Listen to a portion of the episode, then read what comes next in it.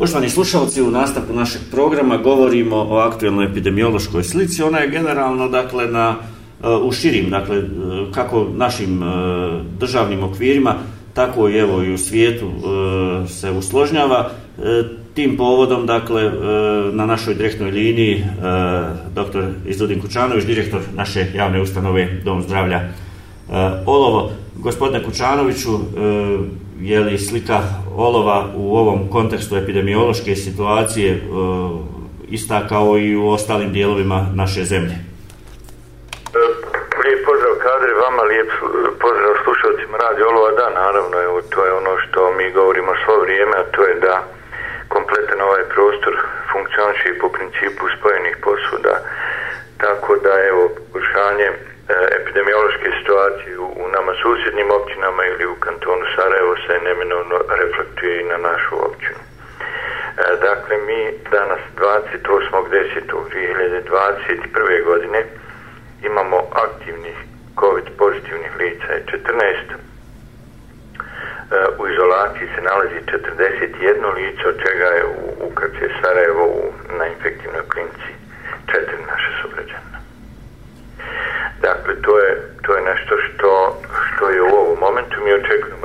rezultate dakle, nismo dobili od jučerašnjih testiranja još uvijek rezultat ušao u sistem onaj mi smo još imali 11 testiranja od čega je bilo šestro sa simptoma tako da ovaj, evo očekujemo i te rezultate i to će vjerovati na ove brojeve koje sam vam saopćio. Da.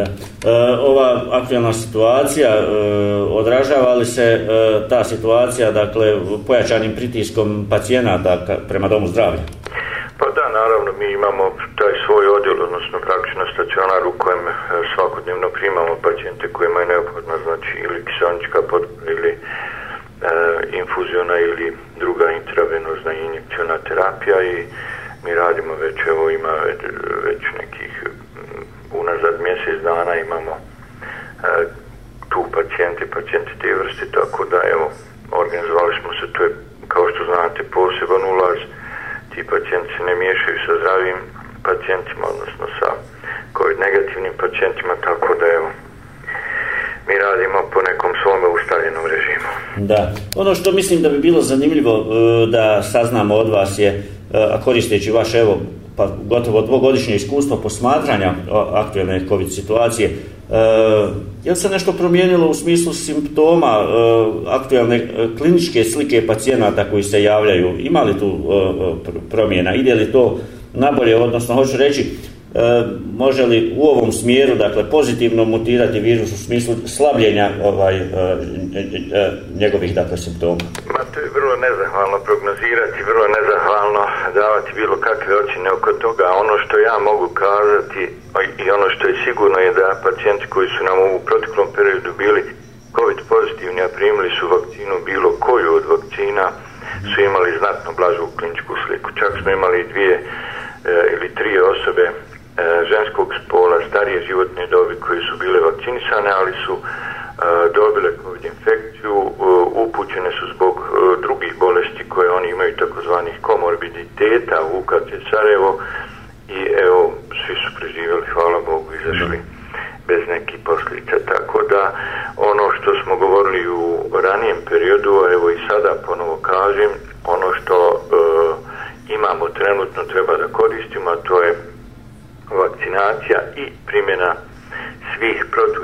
epidemijskih mjera i onda se može očekivati da imamo neku, neku evo, da kažem, prihvatljivu situaciju što se tiče epidemiološkog aspekta na našoj teritoriji. Ukoliko se neko vakciniše, a i dalje se onda nastavi ponašati, da, da, da se rizično ponaša, odnosno ne primjenjuje, ne nosi masku, ne drži distancu, ide na velika druženja, onda možemo i tu očekivati infekciju onima koji ne žele ni da se vakcinišu i ponašaju se rizično, ja onda stvarno nemam nakon dvije godine ovog iskustva e, ponovo moliti nekoga da da ovaj da se vakciniše e, i moliti nekoga da penje ovaj protiepidemijske mjere, ne znam, mislim da je ovo, ja ću to opet uraditi, naravno, ali mislim da je deplasirano, jer svi oni koji su to a, e, htjeli shvatiti, shvatili su do sada dakle vakcinisati se.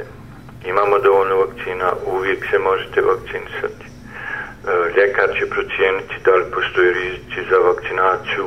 Ako ne postoje, bit ćete vakcinisati, odnosno svi će biti vakcinisani i to nam daje odmah u startu prednost u odnosu na koronavirus ako imamo dovoljan broj vakcinisanih ljudi e, znači i zaočekivati da nećemo imati veliki broj oboljelih i ono što je najgore nećemo imati tako obraz broj smrtnih ishoda. Ukoliko se ne, ljudi ne vakcinišu i ponašaju rizično, onda je to, da vam pošteno kažem, lutrija. Nikad ne znamo kako će se neka COVID infekcija završiti u kojem pravcu će ići.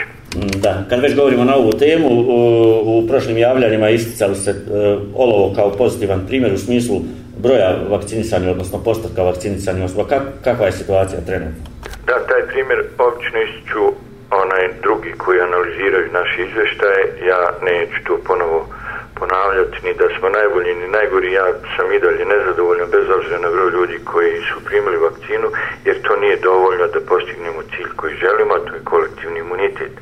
Mi smo do sada u, u našoj ustanovi dali 5775 doza, od toga je prvu dozu primilo 3069, a obje doze 2706 ljudi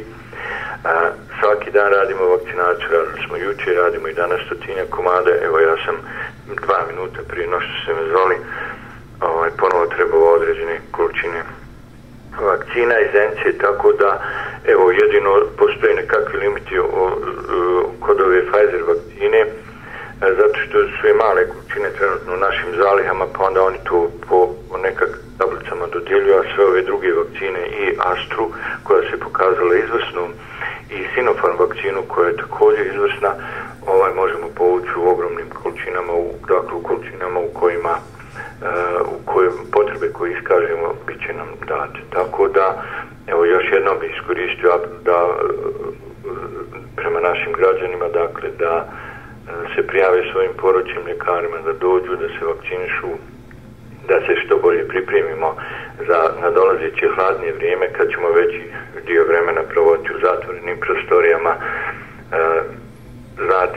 životu znatno u, povećava rizik od, od ovaj zarazi.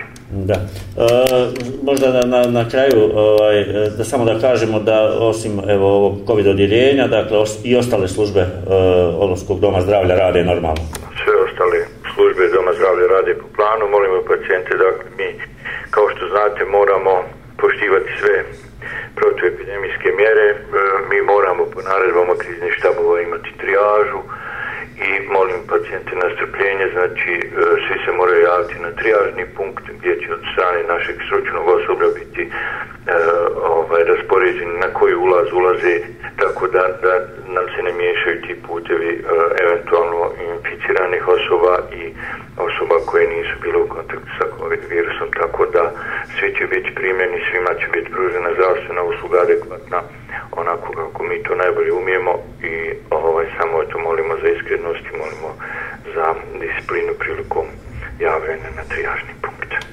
Doktore Kućanoviću, još jednom hvala vam za vrijeme koje izdvajate za program Radio Olova i evo govorite o, o ovoj aktualnoj situaciji.